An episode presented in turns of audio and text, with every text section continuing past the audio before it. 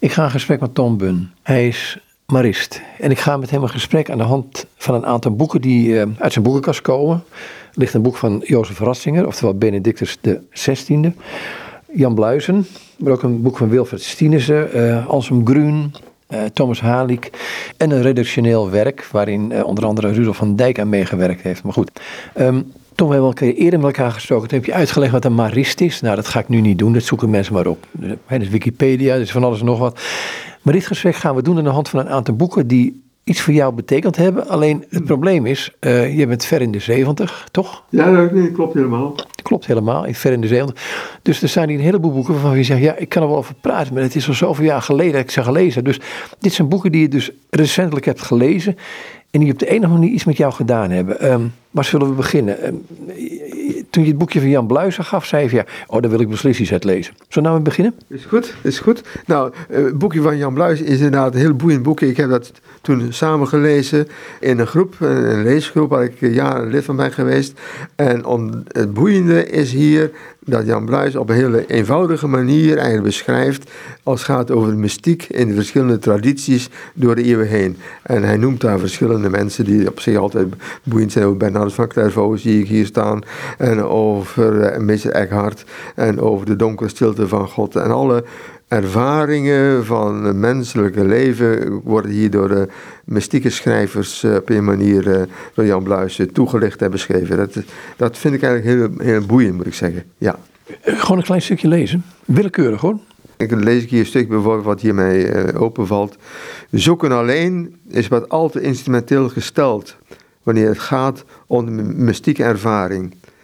Deze is immers te beschouwen als een gave gods die je niet kunt afdwingen en waar je eigenlijk zelfs niet naar kunt streven. De mystieke ervaring overkomt je beangstigende, onverhoeds en overrompelend. Het is niet bepaald een geruststellende belevenis, maar een zogeheten bronervaring die je hele leven op de kop kan zetten. Nou, dat vind ik eigenlijk een hele mooie tekst, moet ik zeggen. Een mystieke ervaring waar je soms naar kunt verlangen, maar dat is natuurlijk niet zo. Ja, je kunt er wel naar verlangen, maar het komt toch op de meest onverwachte momenten. En, en dan kan het echt je, je leven veranderen.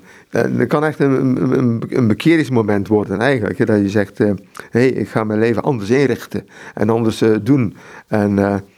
ja, eh, iedereen kan zo'n mystieke ervaring doormaken. Dus vaak wordt gedacht dat zo'n mystieke ervaring eigenlijk maar voor, voor mystici is weggelegd.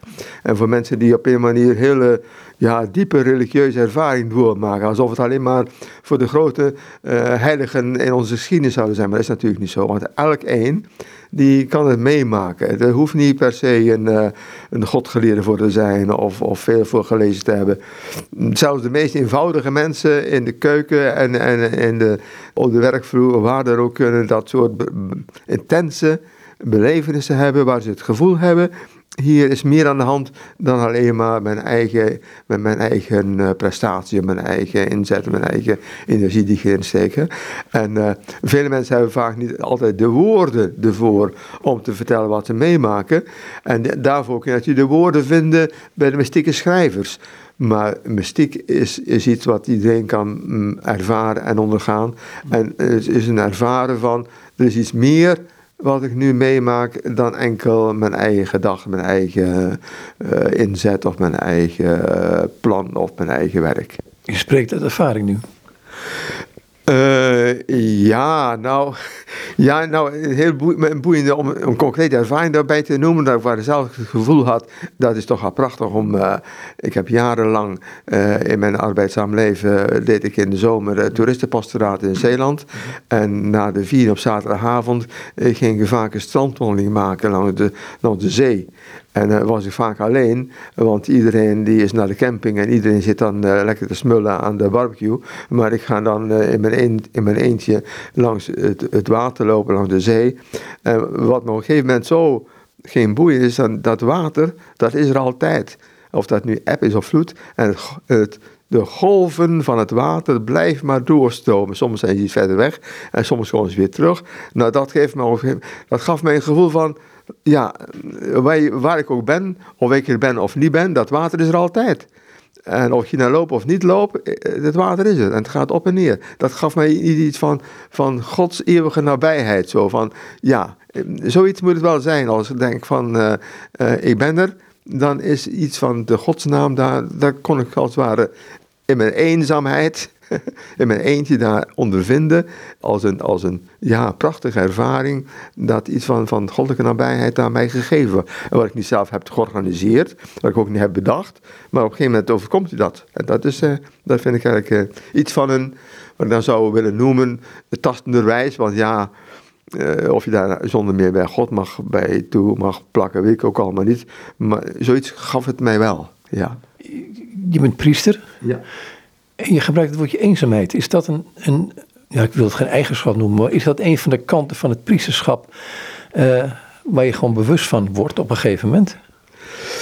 Nou, eenzaamheid is, is voor mij niet een, gevoel van dat ik, uh, moet zeggen, eenzaamheid als, als een negatieve associatie, maar eerder van, ja, zijn alleen zijn, uh, sowieso denk ik, iedere mens, de uniciteit van elke mens is een stukje alleen zijn. En dat, wat ook on, on onbereikbaar is voor de ander. En dat is een stukje eenzaamheid, maar niet een eenzaamheid in, een, in de negatieve zin van het woord. Want in die zin heb ik me nooit alleen gevoeld, ook al heb ik vaak alleen gewandeld en ga ik alleen langs de zee, dan voel ik me niet alleen in de zin van in de steek gelaten. Dus eenzaamheid in de zin van me in de steek gelaten voelen. Dat is, dat is meer de, de, de negatieve uh, associatie. Nou, dat, dat zou ik nou niet willen noemen. Um, meer het alleen zijn en in die eenzaamheid, in het alleen zijn, ervaar je de nabijheid van die ander, maar dan met de hoofdletter, maar zo te zeggen. Dus dat, dat vind ik wel, ja, juist precies op die momenten wanneer ik alleen ben, in de zin van niemand in mijn directe fysieke omgeving, voel ik mij vaak verbonden met anderen. En ook verbonden met de ander in, in, in de grote, met grote letters. Dus in de eenzaamheid voel ik mij als het ware toch verbonden met de omgeving, met, soms met de kosmos, met, met de natuur, uh, met de omgeving, met de bomen, hoe dan ook. En, dat heeft wel iets van, van een, een mystieke, wat dan maar noem in de zin van hier van uh, Bluisen, een mystieke ervaring die mij te boven gaat. Want uiteindelijk is mystieke ervaring toch iets van, het overkomt je, vaak toch als een positieve ervaring. En het, het, het brengt mij brengt mij in een groter geheel, in een grote verbondenheid waarin ik opgenomen, waar ik deel van uitmaak. Dat, dat is voor mij, denk ik, iets van, van wat hier staat in mystieke ervaring. En soms is dat misschien maar een seconde, maar als ik dan zo langs het, eh, langs het water loop, ja, dan, dan ben ik er een half uurtje, uh, laat ik me als het ware die golven naar me toe komen en ervaren van de zee. En ook al loop ik dan alleen, op dat stand. En toch voel ik mij verbonden met het geheel, het grotere geheel van de schepping en van de schepper. Ik ga naar een ander boek gaan, want eh, ik denk dat je over Jan Bluisen eindeloos door kunt praten. Um, eigenlijk, eigenlijk haakt het hierop in. Dat is een boek van uh, Wilfred Stienesen, uh, een aantal jaren geleden overleden. Um, Karmeliet. En hij heeft een boekje geschreven, of een boekje een boek geschreven, een dagboek. Uh, elke dag is de dag van God. Gedachten voor elke dag van het jaar. Um, heb je hem gekend? Ik heb Wilfried Sinissen zelf nooit gekend. De schrijver ken ik niet. Ik ken de schrijver van, van zijn boeken. Maar hij heeft wel mooie, heel mooie teksten. deze teksten hebben we gelezen in de gemeenschap van ons klooster, van de Maristen. Toen lazen we inderdaad tijdens het getijdengebed, lazen we elke dag een stukje, een, een stukje van, van, van. En wij vonden dat toen ook heel mooie, mooie teksten, die als het ware ook iets aangeven. Het zijn toegankelijke teksten. Soms... Uh, schrijvers van, van heilige leven, die zijn vaak wat toch wat uh, taaier of soms wat ingewikkelder. En zeker uh, teksten van theologen zijn vaak wat ingewikkelder. En als je, uh, als je tekst wil horen en je wilt een beetje een tekst tot je laten doordringen, is het wel handig om niet altijd ingewikkelde teksten te hebben, niet altijd hoogdravende teksten. En, en deze teksten zijn, vind ik wel erg toegankelijk.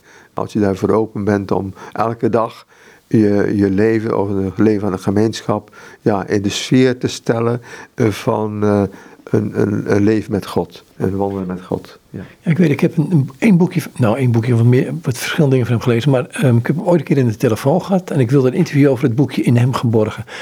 Hij zei alleen maar, nou ja, liever niet. Hij woonde toen al in Zweden. Lees het boekje maar. En het boekje gaat in wezen over overgave aan God. Hij zegt, je kunt God dienen door de gitaar voor hem te spelen. Maar hij kan ook de gitaar op jou spelen, waardoor Ton of Joop getuned wordt, om het zo te zeggen. Maar goed, dat terzijde. Um, heb je gewoon een willekeurige bladzijde die je kunnen lezen? Uh, nou, ik, pak hier wel uit, uh, nou ja, misschien wel hier. God in je naaste. Dat is uh, hier aangegeven voor 25 juli. je hoeft niet te kiezen tussen God en de mens als het erover gaat aan wie je je liefde moet geven. Aangezien God mens is geworden, is Hij zelf je naaste je allernaaste. Hij identificeert zich zo met de mens dat je in iedereen hem kunt ontmoeten en liefhebben. Heb je broer ontmoet, dan heb je God ontmoet, zeiden de woestijnvaders. Je kunt alleen maar je naaste echt liefhebben als je hem ziet zoals God hem ziet. God ziet dwars door het uiterlijke heen en dringt door tot de binnenste van de mens, waar de geest getuigt dat hij kind van God is. Over ieder mens zegt God: Dit is mijn geliefde zoon, in wie ik vreugde vind. Jezus is Christus, is het licht van ieder mens, een licht dat in de duisternis schijnt. De liefde ontdekt dit licht midden in de duisternis. Dit licht ontmoeten is de meest persoonlijke bij je naaste ontmoeten, daar waar hij het meest zichzelf is. Juist in het goddelijke is de mens ten volle mens. Het middelpunt van de mens is God. Al dus schrijft Jan van het Kruis, schrijft uh, Wilfried Stienes in, in, dit stukje. Dat is een, prachtig, uh, prachtig stukje waarin de mystieke, pak nog even terug naar 25 juli was het, waarin hij beschrijft of aangeeft dat als het gaat over mystiek ervaring je ook niet in die zin ver weg of hoog in de hemel allemaal. Nee, het, het gaat erom dat je in je naast, in ontmoeting met de ander, daarvoor zo naar de ander kijkt, dat je daarin God ontmoet. En daarin de menswording God zo serieus neemt. En dat vind ik eigenlijk op zich wel heel belangrijk, of wel heel, nou, heel mooi eigenlijk. Dat je uh, goddelijke menswording zo serieus neemt dat in de mensen die je ontmoet en je tegenkomt, dat daarin ook iets van goddelijk licht aanwezig is in de mens zelf. En dat je zo met elkaar omgaat. En in die zin vraagt het ook respect voor elkaar. En uh, zo elkaar eh, benadert. Dat je zegt, nou, in de menselijke ontmoeting, daarin ligt ook iets van een goddelijke ontmoeting. Hij zegt erin, um, ik becommentarieer het maar, van, um, dat we als het ware moeten leren om de mens te zien zoals God een mens ziet. Ja. Wat, wat, wat, ja, je begint nu te glimmen die ogen van jou, dus wat bedoelt hij daarmee? Nou, als je de, de mens ziet als, als, als, een, als een schepsel van God. En dat dat in elke mens die ontmoet, als het ware, daarin iets van Gods beeld en gelijkenis doorstraalt. Ja, natuurlijk, menselijk leven is vaak gebroken en we doen natuurlijk allerlei gekke dingen die, die het licht van God verduisteren. Maar eh, eh, God heeft de mens bedoeld als een evenbeeld van Hem. Dus elke menselijk schepsel is een beelddrager van God. Dus dat betekent dat we, eh, zoals wij als we naar de mensen willen kijken zoals God bedoeld heeft, dan betekent dat wij de anderen zien als een schepsel Gods. En die zin met alle respect, met alle, ja, ook met alle liefde, met alle genegenheid, met alle hartelijkheid naar die ander kijken. Als zodanig dat we de, de mensen zien uh, zoals God de mens bedoeld heeft. Als een schepsel Gods. En dan gaat hij ook door naar, naar het kern van, van ook de wet. Hè? Heb God lief. En met heel je hart, heel je ziel, je hele je lichaam, dacht ik en je naast als jezelf. Dus die twee die verbindt hij ook met elkaar. Ja, ja je, kunt niet, je kunt niet zeggen, ik, uh, ik, uh, ik stel mijn leven helemaal in op God als je daar ook niet de naast in betrekt. En tegen, het zou eerder andersom zijn. Naarmate je betrokken bent bij de naaste, raak je ook steeds meer op God betrokken. Dus zodanig dat het, eh, dat zijn de beminde naast God liefhebben en daarnaast als jezelf, dat, die zijn zo aan elkaar verweven, met elkaar verweven, dat je niet los verkrijgbaar zijn. En je kunt ook in je eigen, uh, moet ik zeggen, in je in je levenshouding eh, van de, de gelovige mens, van de christelijke mens, is natuurlijk erop gericht dat je toch vooral je bekommert om de naaste met wie je samen bent, met die je tegenkomt, die je ontmoet of hoe dan ook een beroep op je doet. zeg nou, dat, dat is eigenlijk als je goed met elkaar omgaat, dan heb je ook alle aandacht voor God zelf. Ik weet, er was een, een Belgische theoloog, maar ik ben zijn naam even kwijt, die iets in de trant zei van, ehm, ik heb met God niet zoveel moeite, maar mijn broeders en zusters. Ja, uh, kijk, God eh, die, uh, die reageert als het ware niet. Hè? Die laat zich niet van zich horen. Die, die geeft niet thuis, om, om het zo te zeggen. Maar eigenlijk, kijk, als je, zeker als je in, samenleeft, of dat nou een huwelijksrelatie is, of in een vriendschapsrelatie, of in een, in een kloostergemeenschap.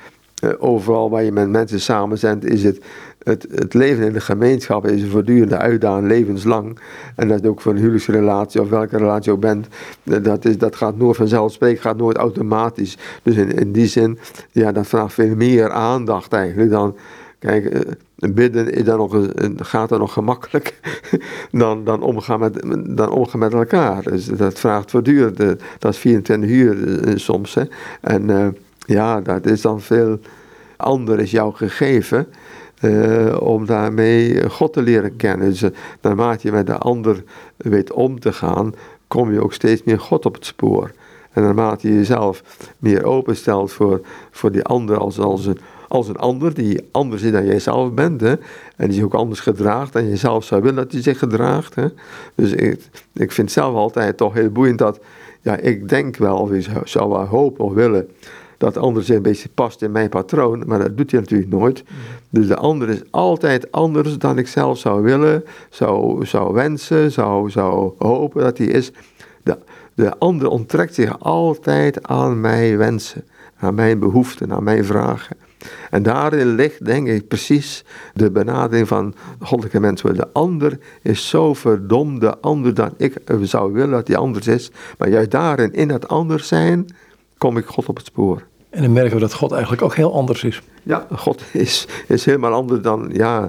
En uh, wij bidden natuurlijk wel of soms dat wij dat onze wensen vervuld willen worden. Of dat wij bidden voor iemand die uh, ernstig ziek is of hopen dat op beterschap. En hoop, natuurlijk, het is allemaal goed. Het is ook goed dat we al onze wensen en al onze verlangens, al onze behoeften en al onze vragen en soms onze eigen boosheid of teleurstelling, hoe dan ook, tot voor de troon van God brengen, zoals het dan zeggen. En dat is ook goed, want uiteindelijk in onze boosheid, in onze zwakte, in onze verlangen eh, geven we onze prijs aan de, de, de Allerhoogste. Dan, dan, met alles wat in ons is, vertrouwen we ons aan Hem toe. En eh, dat is, dat is alles wat onze duisternis, maar ook onze, onze vreugde en ons verdriet. En, uh, nou weet ik dat Wilfred Stieners ook de man is van stilte. Uh, ja, wij worden stil. Kijk, ook in de stilte, dat is natuurlijk zo'n zo'n zo'n item waar je Zeg nou, wat is nou stilte? Wanneer word ik stil? Uh, dat is natuurlijk meer dan, dan de radio uitzetten of meer dan de televisie uitzetten. En ook meer dan, dan uh, je Spotify uh, tot stilstand brengen. Kijk, innerlijk stil worden, dat betekent ook je eigen hoofd leegmaken of leeg worden van je eigen verlangens of je eigen verlangens juist op het spoor komen. stilte is, is een, een voortdurend oefenen volgens mij om tot ontvankelijkheid te komen van wat, uh, de stem van God tot jou wil zeggen. De stilte is nodig om uh, ja, niet zo op te gaan in de hectiek van elke dag. Want we zijn natuurlijk erg gehaast. En uh, ook al was het om, de trein te halen en, en ons, ons vervoer te regelen. Maar zijn ja, de stilte, dat vertraagt, dat vertraagt mijn ritme. Vertraagt ook een beetje mijn, mijn dagorde. En dat vertraagt mijn geest om open te worden, om ontvankelijk te worden, vind ik een goed woord, ontvankelijk te worden voor wat, voor wat op mij afkomt. Waardoor ik ruimte maak voor de ander. Stil, ik moet stil worden om ruimte te maken voor die ander. Ja. Kan verveling daar een, een aanzet toe zijn? Verveling, ja. Verveling is dan, dan heb je, sta je op zo'n zo'n zo'n kruispunt van uh, een aantal dingen heb je dan gedaan en je weet niet precies hoe verder. Dat, dat kan helpen om je tot, tot stilstand te brengen. En je bij de vraag te brengen van waar ben ik nou eigenlijk mee bezig en wat vind ik nou interessant, wat vind ik boeiend en ja, wat wil ik niet meer, wat wil ik wel. Dus, dus verveling. is omdat je dan op een gegeven moment niet goed weet, raad weet hoe je tijd in te delen, je tijd in te vullen. Wat moet ik nou doen? Waar, wat ga ik nu doen? Dus ja, dat, is, uh, dat kan helpen om tot. Maar dan moet je wel uh, de zoektocht willen aangaan om tot die stilte te komen. En uh, kijk, je kunt verveling natuurlijk gaan opvullen met allerlei uh, afleidingen en verveling gaan invullen met allerlei vluchtwegen, om maar zo te zeggen. Maar als verveling je helpt om tot jezelf te komen, om je bij de, jezelf de vraag te stellen: uh, wat is nu voor mij op dit moment de moeite waard dat ik doe? Dat is een hele wezenlijke vraag natuurlijk. Ja, ja, ja het is een vraag van wat doe ik hier op deze wereld? Kijk, als verveling lang gaat duren, uh, kijk, de verveling van een moment op een dag dat je niet weet wat moet je doen. En je zegt, ik verveel mezelf, ik weet niet uh, wat ik nu op dit moment heb te doen. Maar als verveling een langdurige verveling gaat worden, dan kan het zijn, dan kan het je tot de vraag brengen, wat doe ik hier eigenlijk? Wat is de betekenis en de zin van mijn leven? Wat, wat draag ik bij, wat draag ik niet bij? Kan ik iets... En ja, dat is natuurlijk wel een, een vraag naar je eigen identiteit, om zo te zeggen. Van wat doe ik hier en wat kan ik betekenen voor de ander? Heeft het dan ook te maken met, en naar het boek wil ik zo gaan van Anselm Grun met hart en zinnen, dat je naar zingeving zoekt, maar eigenlijk uh, af moet van zelf zin aan je leven te willen geven? Ja, dat, dat hangt natuurlijk wel samen. Dus, dus je eigen zoektocht, dat houdt ook niet op. Dus je eigen zoektocht te gaan, wat is nou de zin van mijn leven? Dat is een, zeg maar een persoonlijke eigen drijfveer om erachter te komen waar, waar ben ik nou eigenlijk mee bezig. En tegelijkertijd, kijk, de, dus een, een, een dubbel spoor eigenlijk. Hè?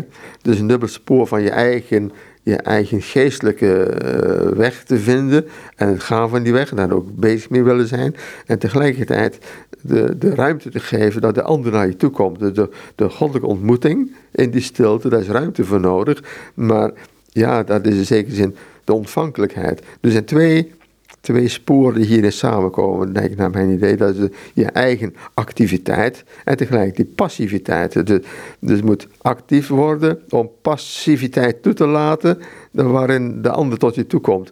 Dus dat is precies denk ik ook de ervaring van elke gelovige mens, maar ook van de mystieke schrijvers. Dan, die zijn ontzettend druk bezig met allerlei oefeningen en geestelijke oefeningen om toch maar uh, God te willen ontmoeten. Hè? De, ik wil God ontmoeten. Maar God is ook niet te plannen, laat zich in die zin ook niet ontmoeten als je daar zelf niet passief in bent, ontvankelijk voor bent. Dus dat is dat de paradox, de paradox van actief zijn en toch vrij zijn om te ontmoeten, om open te zijn. Dus je eigen openlijk, openheid, je zintuig, je waarneming, je gevoelens open te zetten voor de ander die naar je toe komt, voor de godsontmoeting. Ja, die gekke paradox van je verliest je en daardoor vind je jezelf. Ja, jezelf verliezen en, en God vinden, of het leven vinden. Uh, wat moet ik doen om in het eeuwig leven te komen? Hoe, hoe kom ik in de hemel? Of hoe, kan ik het eeuwig leven bereiken? Ja, dat is, uh, neem je kruis op en, en, uh, en ga de weg die, mij gegeven is. En wie zijn leven wil winnen, moet het verliezen. Dus jezelf verliezen, dat is ja, jezelf niet op de voorgrond, je eigen ego loslaten om eh, de ander bij jou binnen te laten. Dus jezelf verliezen, dat heeft iets van ontvankelijk worden en jezelf niet groter maken en niet al de, al de grote ego uh, presenteren, maar uh, ja, openstaan voor de ander die naar je toe komt. Ja, ik noemde Anselm Grunal met hart en zinnen. Daar gaan we zo heen. Maar dan ligt hier nog een ander boek. Een, um, waarvan onder andere Rudolf van Dijk, Weiler Rudolf van Dijk, uh, de redactie heeft gevoerd. Um, ontvangen gaat het dan over. De religieuze bronnen van onze gastvrijheid. Um, dat pakt hij uit de kast van. Toen dacht ik, ja, hier wil je het over hebben. Oh, je kunt hier ook willekeurig het openslaan. Volgens mij zijn alle, alle teksten hier even mooi. Maar goed, een ander verhaal. waarom dit boek? Uh, nou, dit boek heb ik hier neergelegd omdat ik hier ook zelf heb aan mogen meemerken. Dus heb ik zelf een aandeel in mogen schrijven. En ook, ook samen met Rudolf van Dijk daarin in samengewerkt. En dat ging inderdaad om een aantal... Uh, dat is een werkgroep die bestond uit een aantal mensen die betrokken waren bij uh, gastenverblijf in kloosters. en zich de vraag stelden, wat, wat betekent nu eigenlijk uh, gasten ontvangen in een, in een kloostergemeenschap in de abdij. Maar die denken, in de abdij zijn ook allerlei religieuze gemeenschappen in Nederland die openstaan voor gasten. En wat betekent dan gastvrijheid? En uh, wat hebben we dan eigenlijk te bieden? Wat hebben religieuze, de religieuze gemeenschappen, gaat daar vooral over, wat hebben religieuze gemeenschappen te bieden aan mensen die op bezoek komen en, en gastvrij willen zijn in de kloostergemeenschappen? Nou, toen hebben we als het ware, zijn we tot het idee gekomen, niet alleen om dit boek uit te geven, maar ook dat die religieuze gastvrijheid en de religieuze bron van gastvrijheid zo wezenlijk is voor het kloosterleven. Dus niet, een kloostergemeenschap is niet bedoeld om zich af te sluiten achter die vaak gesloten muren die soms rond de abdij zijn opgetrokken, maar eerder juist om open te zijn en dan ja, precies daarvan wat religieuze beleeft en motiveert om zo'n gemeenschap te leiden, om daarvan uit te delen en daarvan te laten delen door iedereen die daarvoor geïnteresseerd is. Dus de, het gaat dan ook over de religieuze bronnen van gasvrij, gasvrijheid.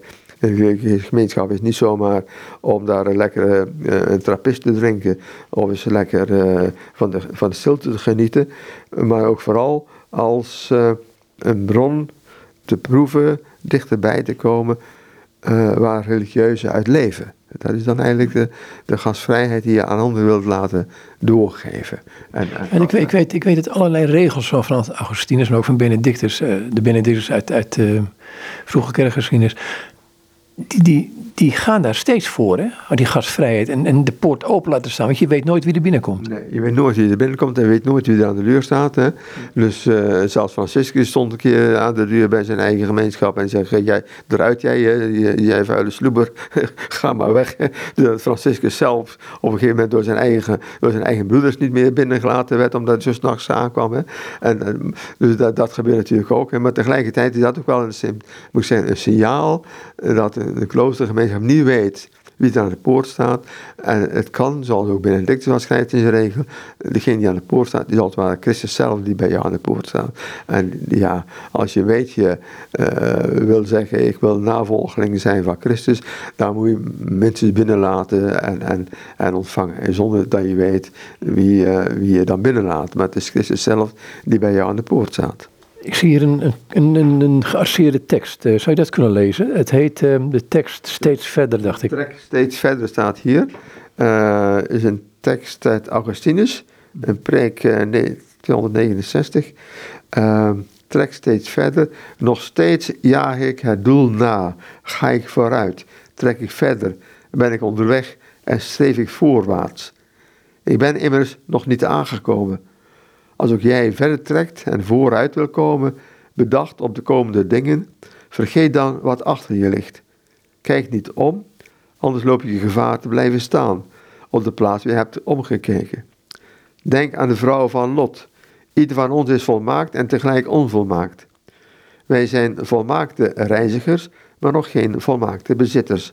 Als reizigers zijn wij onderweg. U vraagt verder trekken. Wat betekent dat? Om het kort te zeggen, dat betekent vooruitgaan. Anders versta je het misschien verkeerd en ga je langzamer lopen. Onderzoek jezelf. Wil je bereiken wat je nog niet bent, wees dan ontevreden met wat je nu bent. Want zodra je zelf genoegzaam wordt, blijf je stilstaan. Zodra je zegt, het is genoeg, ga je ten onder. Doe er steeds iets bij. Trek steeds verder. Maak steeds vooruitgang. Dat is de tekst. Ja. Het blijft, het blijft actueel dit, hè?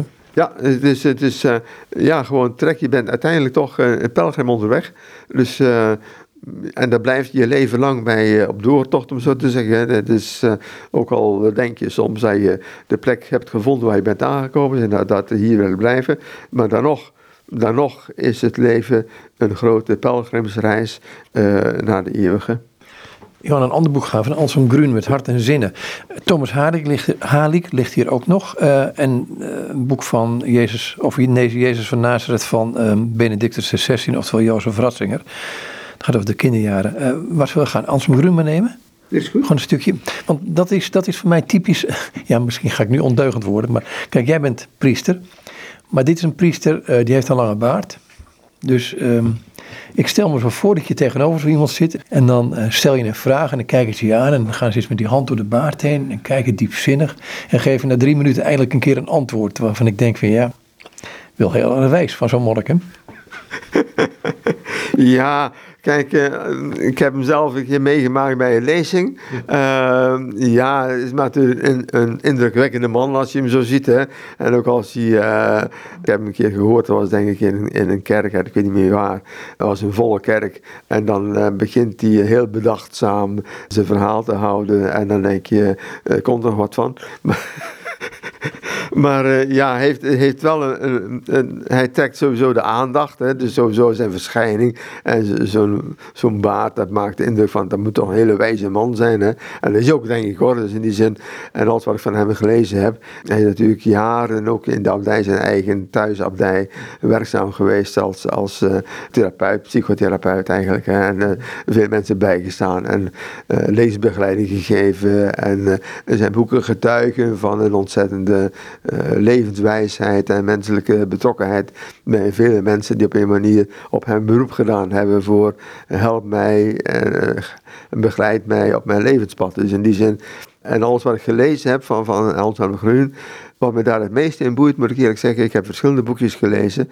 Ehm, ook niet alleen, ik heb het ook vaak in, in de groep gelezen, samen met veel andere mensen in een leesgroep gelezen, uh, dat hij het hele menselijke bestaan weet te betrekken in zijn spirituele zoektocht. Dus het gaat om, uh, om, om de emoties van mensen, om de gevoelens van mensen, de boosheid, de kwaadheid, uh, de teleurstelling, het verdriet.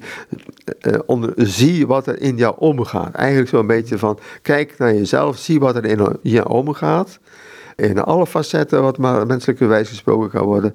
En uh, alles is in die zin, is, des mensen. Alles is van mensen. En, en breng dat in relatie, breng dat in contact met, met, het hogere, met het eeuwige, met de barmhartige. En, en leg daarin de verbinding. Dus in die zin, nu de verbinding te leggen tussen het menselijke uh, leven uh, menselijke bron, menselijke uh, inkeer, menselijke binnenkant van je leven, om dat in verbinding te brengen met, uh, met je eigen schepper. En dat alles wat in jou leeft, ook ja, daarin ook God te vinden is. Dus je vindt God in datgene wat er in jou omgaat. Ik weet, een van zijn eerste boekjes ging over, dacht ik uit mijn hoofd hoor, bidden van beneden. Um, dus, dus dat het bidden niet alleen iets heel, um, ja, bijna over geestelijks is, of iets heel geestelijks is, maar ook heel plat en heel aards kan zijn. Dat is het eerste boekje, Spiritualiteit van beneden was de titel. Spiritualiteit van beneden was het eerste boekje, uh, waar ik ook, toen staat ook in mijn kast, het ligt hier nog niet bij, maar het staat wel in mijn kast. Ja, dat, dat was voor mij eh, de, de trigger om, om daar meer in te lezen, om, omdat voor mij in elk geval op dat moment de, de eerste was die mij op het spoor bracht van, ja, uh, de spiritualiteit van beneden betekent spiritueel leven is menselijk leven. Dus, dus gewoon bij de celbediening in de rij staan, ik, ik noem er al die gekke dingen op. Is, is, is, is gewoon het keukenwerk en dat is koken en afwassen en opruimen en uh, uh, werken in, in de supermarkt of, of aan de kassen werken. Dat maakt allemaal niet uit waar je dan op dat moment jouw leven is een, is een bron van spiritualiteit. En daarin, daarin kun je God vinden. Dus uh, Theresia van Avila heeft ooit een keer gezegd in haar, in haar geschriften: Ja, God vinden vind je door in de soep te roeren. Als je koken bent en je roert in de soep, dan ben je met God bezig. Dus dat, dat is, en dat vond ik voor mezelf wel toen, dat is ook al uh, bijna twintig jaar geleden, dat dat boekje, het eerste boekje van Anselm Grun gelezen heb. Maar dat was voor mij inderdaad een, een, eh, een eye-opener om op deze weg uh, toe te gaan. En je eigen menselijke naar binnen te keren. Kijk niet omhoog, maar kijk naar binnen. En dan is datgene wat je doet, is een erebetoon aan God. Ja, dan, dan is alles uh, waar mij daar het, het, het, het, meeste nog van bijstaat, is zeker, maar dat is de hele, de hele trend van, van, uh, van Anton Grun. Neem je eigen gevoelens serieus en keur ze niet af. Maak je geen verwijt wanneer je kwaad bent. Maak je geen verwijt wanneer je, het je niet goed gaat. Maak je jezelf geen verwijt. Maak je, veroordeel jezelf niet. Want al datgene wat er is, is er ook. En dat mag er ook zijn, maar je kunt wel uitzuiveren. Niet je eigen boosheid, je eigen, je eigen agressiviteit of zo. Het is natuurlijk niet, niet zo dat uh, uh, het gaat om het onderkennen van je eigen agressiviteit. Als je inderdaad in een agressieve bui bent, onderken dan je eigen agressiviteit en kijk dan hoe je daarmee omgaat. Dus daar hoef je nog niet, uh, niet direct de ander, uh, de ander te vermoorden of neer te slaan. Want dat is, op zich dat is niet hoe je daarmee met je eigen agressiviteit omgaat. Uh, is niet bedoeld om destructief te zijn naar de ander toe. Integendeel, maar wel, het gaat ook meer de innerlijke hele wording van jezelf. En, dan van daaruit ook uh, helend zijn naar de ander, of je omgang met de ander. Als je vrede kunt nemen met je eigen ongenoegen, dan kun je ook milder worden in je omgang met de ander. Dus het is, wat, wat ik van geleerd heb, is eigenlijk erken wat er in jouzelf omgaat, probeer daarmee om te gaan, zodanig dat je daar een, een, een, ja, een gezonder mens van wordt, een, een helende mens van wordt, waardoor je ook anderen uh, tot welzijn kunt zijn, tot vrede kunt zijn de ander.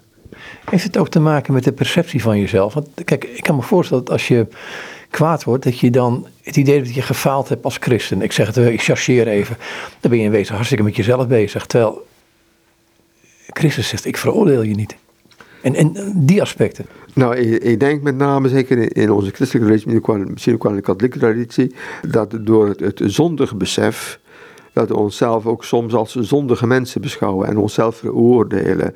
En zo moraliserend, ook ten aanzien van elkaar soms, zo, zo moraliserend te werk gaan, dat we enkel die moraal en, eh, naar moralistisch te benaderen. En het is toch wat heel wat anders dan eh, de, elkaar te zien als een schepsel God en vanuit de spiritualiteit eh, naar elkaar te kijken. Want de, de moraal dat kan ook voor jezelf zijn, dat je, jezelf eh, onderwaardeert of niet, helemaal niet waardeert of veroordeelt en uh, jezelf verwijten maakt dat je het niet goed doet. Dus jezelf, dus omdat je het gevoel ik doe niet aan verwachtingen van, van de geboren, ik voldoe niet aan de verwachtingen van, van de ander. Waardoor je jezelf uh, neerhaalt of, of uh, wegcijfert. En, en dat is, dat is net wat anders. Het spoor van Anselm Grün is geen, geen moralistisch spoor. En, en dat is denk waar wij zelf in onze kerk vaak wel last van hebben. Uh, dat wij onszelf als zondige mensen bezien en tot niks goeds is kwaad, om maar zo te zeggen. Uh, maar dat helpt ons niet verder als we onszelf niet zien als allereerst als, als een geschapen wezen met alles wat er in ons is. Het raakt volgens mij, gaan we nu naar Thomas Halek toe, raakt de wonder aan over niet zien en toch geloven. Um, dat, dat, dat is een heel apart is dat in wezen, want um, ik, pak er een tekst bij uit de Bijbel, gewoon het Nieuwe Testament van. Um, als Christus verschijnt die ons leven is, niet zal zijn, maar is op dit moment. Dus er zit iets van die, die, dat, dat dubbele in. Eén, je bent hier in deze wereld, in een lichaam, in, in, in deze aarde. Aan de andere kant ben je vrijgekocht, zeg ik, um, in Christus. En toch. Nou, dit boekje van Thomas Halek vind ik zo boeiend, uh, raakt de wonden aan omdat hij eh, vraagt aandacht te besteden om, aan de gewonde mens. En, en mij doet het inderdaad herinneren aan het verhaal van, uh, van Thomas. Niet alleen van Thomas Haling, maar van de van ongelovige Thomas. Die niet aanwezig is als Christus uh, verschijnt aan de leerlingen aan de vrijzenis. En Thomas zegt, ik wil, ik wil hem zien. Ik wil mijn handen leggen in de wonden van de vrezen Heer. Als hij dan echt verrezen is, wil ik hem ook wel tegenkomen. En hem tasten met de wonden in, en dan pas zal ik geloven. Hè? En Thomas Halijk uh, neemt deze tekst ook een beetje als uitgangspunt, als basis voor zijn, voor zijn boekje. Uh, en mij doet het vooral, denk ja, waar kom ik nu de wonden tegen? Waar kan ik mijn handen leggen? In welke wonden kan ik nu mijn handen leggen? En, en dat is eigenlijk, denk ik, dat ik eh, ja, dat vind ik een hele moeilijke. Om mijn handen te leggen in de gewonde mensen. Natuurlijk, vele mensen zijn, zijn gewond, soms innerlijk gewond, maar ook, ook letterlijk gewond. En vandaag de dag, eh, ja, eh, je hoeft maar even rond te kijken en wie is als het ware niet gewond.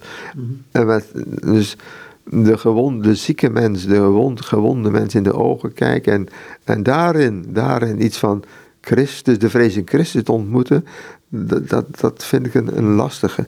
Uh, het is, maar het is ook zo van, kijk, de in Christus met zijn littekens, waar kom je naar tegen? Dat is natuurlijk ook het, lichaam van Christus in de kerk. Uh, da, da, en onze kerk, ja, die draagt natuurlijk ook de littekens. Door de geschiedenis heen zijn er heel wat littekens. Hebben wij als kerk als kerkgemeenschap heel wat littekens opgelopen. En, en die onder ogen willen zien. En daarin, daarin ook willen zien dat Christus verrezen is. En in zijn verrijzenis met zijn littekens onder ons aanwezig is. Dat vind ik, dat vind ik ja, eh, om daarin te geloven. Ik geloof erin, maar tegelijkertijd is het soms ook wat onwerkelijk. Dat ik dan, hoe kan ik nou, hoe kan ik, ik zie wel dat in onze kerk natuurlijk uh, vele littekens zijn door de eeuwen heen. En, en, en vele duistere kanten zijn ook in onze kerk. En misschien moeten we ook onder ogen willen en durven zien. En dat het niet allemaal zo mooi en fraai is geweest. En, en is dat we leven. En ja, dat onze kerk, we zeggen ook, kerk is lichaam van Christus. Uh, onder ons aanwezig in, in, in de fysieke kerk, maar tegelijkertijd ook iets van het mystieke lichaam van Christus. En, en daarin iets zien van de, van de wonden van het Christus en, en daarin zien dat hij verrezen is.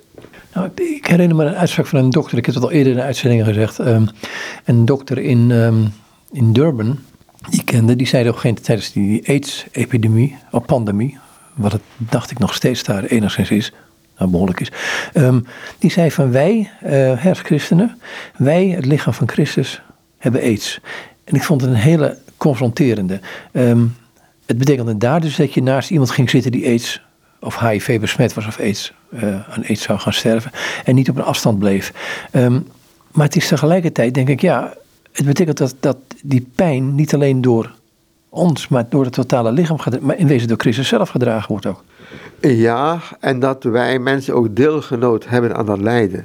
Dus, en dat, ja, dat voel ik ook al een beetje, probeer een beetje dichterbij te komen. Um, dat wanneer het hebben over het mystiek, het lichaam van Christus leidt, dan, dan moet dat ook mij raken. Dus naarmate ik zelf geraakt word door het lijden in de kerk en door het lijden van mensen, dan, dan kom ik iets dichterbij eh, bij de verrezen Christus die ook lijdt en geleden heeft aan, aan, aan onze menselijke tekort en ons menselijk falen. En, en dan, dan denk ik, ja, dan, dan voel ik wel iets van, van de pijn van het lijden niet enkel het individuele lijden van, van personen, maar ook van, van een gemeenschap, van een kerkgemeenschap, van een geloofsgemeenschap, van, van een christelijke gemeenschap die dan ja, vandaag de dag ook verdeeld is en, en, en uiteen ligt en daar ook soms uh, ook aan leidt. Het is toch eigenlijk wel, ook wel pijnlijk onder christenen dat wij zoveel... Uh, soms ook tegenover elkaar gestaan hebben en elkaar ook uh, bevochten hebben en, en, door de kruistochten en, en hebben ondernomen om de ander neer te sabelen. Het is, het is eigenlijk ja, toch ook pijnlijk om, om zoiets, uh, dus in die zin trek ik mij dat wel aan Zeg, ja, ik ben ook van die kerk en ik voel als het ware de pijn van onze eigen tekorten. Maar goed, ik, ik denk ook op dit moment aan bijvoorbeeld een kerk in China die vervolgd wordt. Uh, er zijn daar inmiddels wel uh, 100 miljoen christenen, wat, wat op 1,4 miljard mensen niet 10% is geloof ik. Maar, maar toch, zij leven daar um, en die zijn de volgende dag niet zeker van wat er gebeuren gaat. En, en dat gebeurt in meer landen, dus wereldwijd. En dan denk ik, ja, um, ook dat is een gegeven wat bij ons hoort. Ja, ja, sowieso de wereldwijd vandaag de dag worden ook nog voortdurend christenen vervolgd en gemarteld omdat ze christen zijn. En uh, het is van de, van de andere kant, ik, ben een paar jaar geleden was ik in China en, en was, ik ook, was ik ook deelgenoot van, van een groep die inderdaad probeerde contact te maken met die katholieke gemeenschappen daar. En zowel de, de bovengrondse kerk als de ondergrondse kerk. En uh, ja, het, is, van de ene kant is het, is het om te zien hoe daar een christelijke gemeenschap proberen, ondanks de tegenwerking, ondanks het verzet uh, van de communistische partij, om daar hun geloof te beleiden. En een tijd gaat het soms goed, maar de andere tijd wordt het soms ook christen onmogelijk gemaakt, zeker om het publiekelijk uh, hun geloof te beleiden. En er wordt natuurlijk vandaag de dag in, in vele landen uh, waarin christelijke minder, minderheid zijn, wordt soms hun het leven moeilijk gemaakt of gemarteld en gedood. Hè. Dus dat is, dat is wereldwijd in die zin. En ik snap dat allemaal niet, maar goed, is het, zeg, waarom worden nou christenen gemarteld? Wat, is nou, wat is er eigenlijk nou mis mee? Wat hebben ze nou verkeerd gedaan? Hè? Dus op een manier is het omdat ze op een manier het christelijk geloof op een manier toch ook iets tegendraads heeft. Hè? Het, kruis van Christus is toch ook voor velen een, een dwaasheid en, en, en een niet te begrijpen uh, bron van, van geloof. Zeg, ja, voor de heidenen een, een, dwaasheid en, en, voor de, en voor de Joden een, een aanstoot. Hè? Voor de Joden een aanstoot en, en voor de heidenen dwaas. Maar dit blijft toch nog steeds dat er toch nog vandaag de dag nog veel mensen uh, het christelijk geloof een dwaasheid vinden. En, en daarom vinden dat de christen maar beter uh, opgeruimd moeten worden. En moeten verdwijnen of niet wel het leven onmogelijk gemaakt moet worden. En dan blijkbaar toch het evangelie, in geval het Christus aan de kruis. Maar blijkbaar het evangelie in zichzelf iets tegen draads heeft ten opzichte van de samenleving. Ten opzichte van een duistere wereld die op een manier andere prioriteiten heeft dan wat, dan wat in het evangelie wordt voorgehouden. Goed, het hebben in ons eigen leven ook ervaren natuurlijk, dat het heel tegendraads is. Jazeker, het is, het is ook in ons eigen leven moet je voortdurend uh, kijken.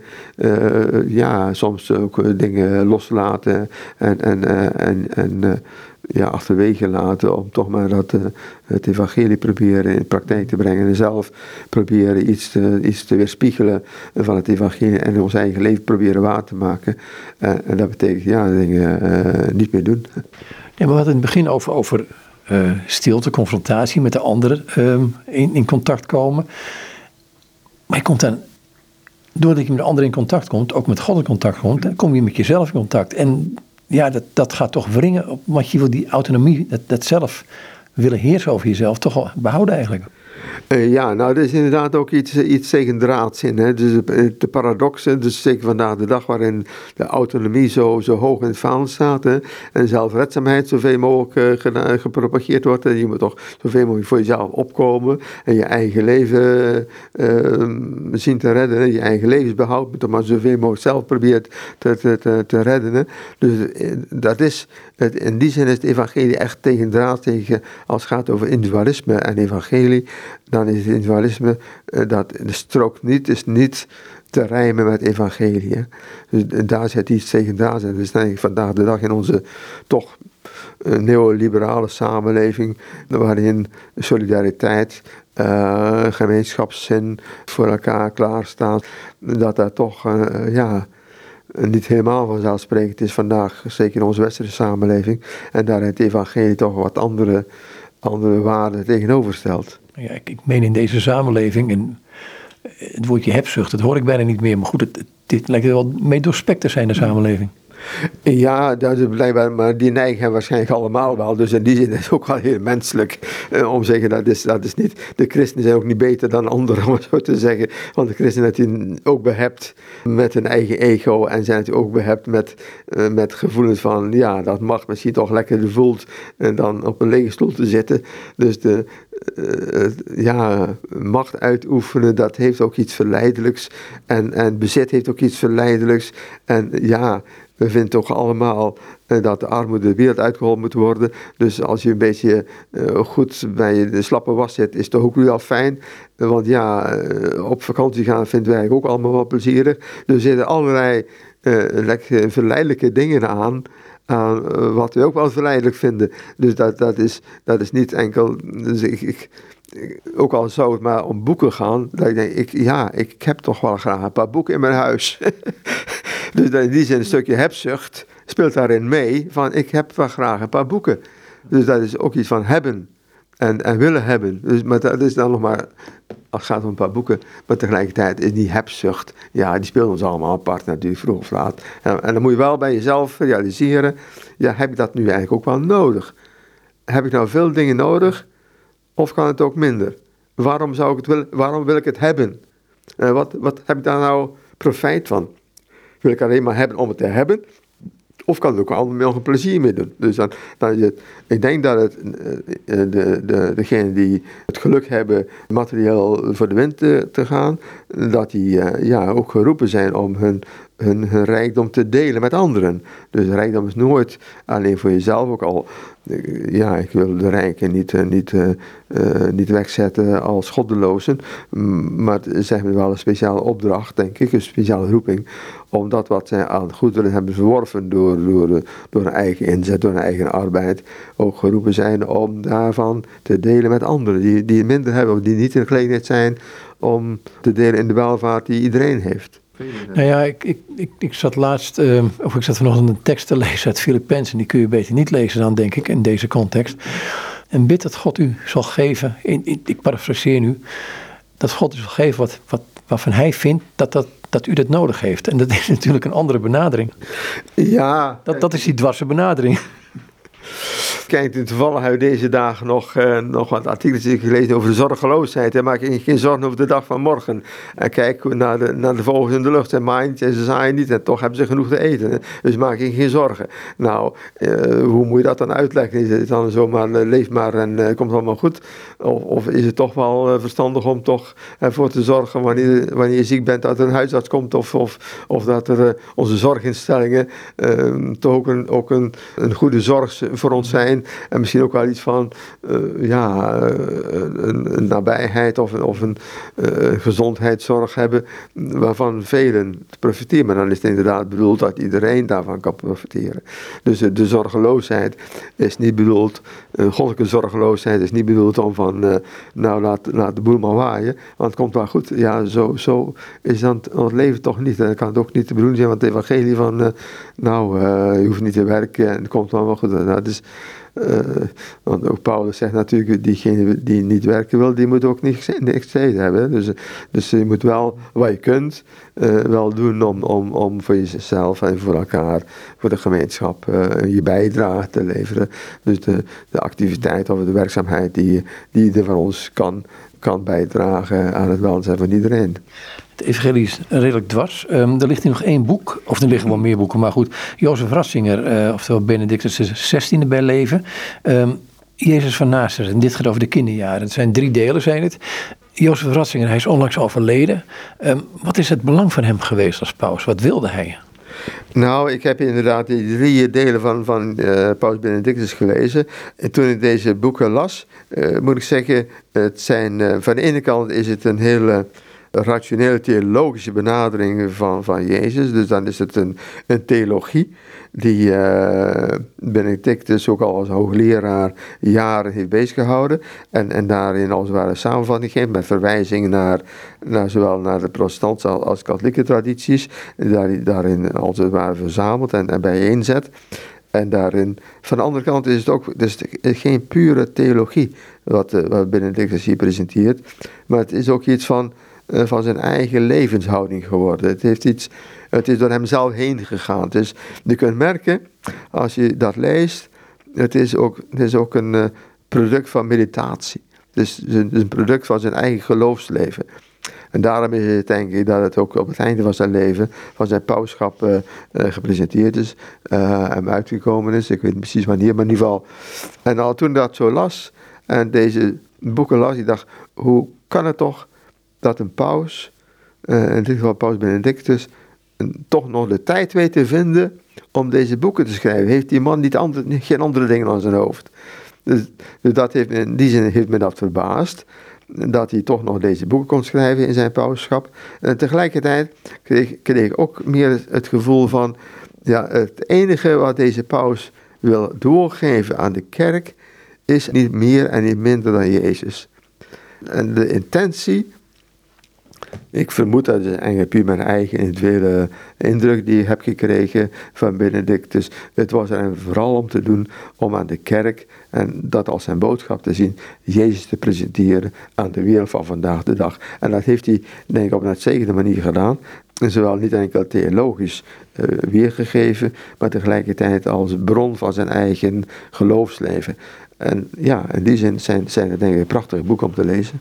En zeker in die zin, dat is nog, nog niet zo direct tijdgebonden, maar het overstijgt, denk ik, de, de tijd waarin we leven. En die zullen zeker, zeker de komende tijd de moeite waard blijven om te lezen. Als Jezus waarschijnlijk ook de geschiedenis overstijgt. Ja, ja, ja het, is een, is in die zin een, een, een, ik wil niet zeggen dat deze boek van de paus nou uh, uh, voor de eeuwigheid zijn, maar Jezus zelf dat wij nog steeds die geschriften lezen van het evangelie, al, twintig eeuwen, dat geeft ook wel aan dat wij als het ware niet, niet uitgekeken raken en niet uitgelezen raken en steeds weer geboeid blijven in, in de evangelie, als we steeds weer geboeid blijven in Jezus zelf als degene die op een manier toch blijft boeien als de persoon die, ja, alle, alle tijdelijkheid overstijgt.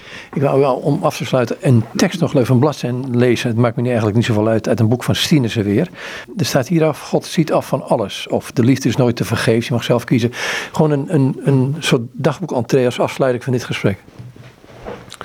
Nou, dan pak ik hier God ziet af van alles.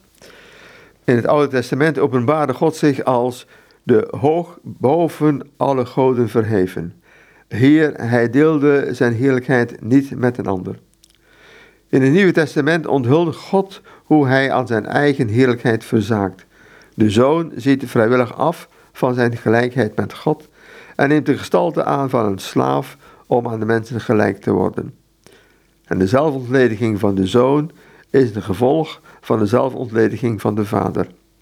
Hij houdt zijn Zoon niet vast. Hij levert hem vrijwillig over aan de mensen. De Heilige Geest is naar zijn eigen wezen deze gave van de Vader en Zoon, het voortdurend offeren van alles wat ze zijn. De drie enige God wil zich klein maken om de mens groot te laten worden. Op het kruis ontsluiert en offert God heel zijn heerlijkheid. Daar openbaart zich de liefde tot het goddelijke uiterste. Op het kruis schittert de liefde in al haar glans. Geen mens die met open ogen naar het kruis opziet, kan eraan twijfelen dat God liefde is. In het doorboorde hart van Jezus wordt het innerlijkste wezen van God zichtbaar. De liefde bekleedt zich vrijwillig met zwakheid omwille van de geliefde. De liefde toont haar grootste macht wanneer ze afziet van alle macht. Wie koppig vasthoudt aan wat hij heeft en is, wie aan zijn rechten vasthoudt en ten koste van anderen sterk wil zijn, zal nooit iets begrijpen van Gods liefde, die een mysterie van zelfontlediging is. Wie afstand doet van alles en vrijwillig klein, heel klein wordt, kan iets gaan vermoeden van wie God is. Nou, ik vind het een, een prachtige samenvatting van, van ons gesprek, moet ik eerlijk zeggen. Eigenlijk precies waar het hele gesprek omheen draaide. Uh, van ja, je eigen minder de voorgrond plaatsen en alle ruimte geven aan God, inclusief kruis en lijden. Lijkt me ook. Dankjewel voor dit gesprek. Dank wel. En dit zei Tom Bun. En met hem was ik in gesprek over een aantal boeken uit zijn boekenkast. Ja, er zijn er nog veel meer, dus het zou best nog een keer kunnen doen.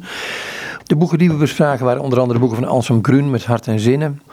Ontvangen uh, ging het over gasvrijheid. Dan was het een boekje van Jan Bluizen. Thomas Halik raakte wonden aan. En um, Jozef Ratzinger, Jezus van Nazareth. En van Wilfred Stien is natuurlijk elke dag is een dag van God. Goed, nogmaals dus het zo over dit gesprek Ton Bun.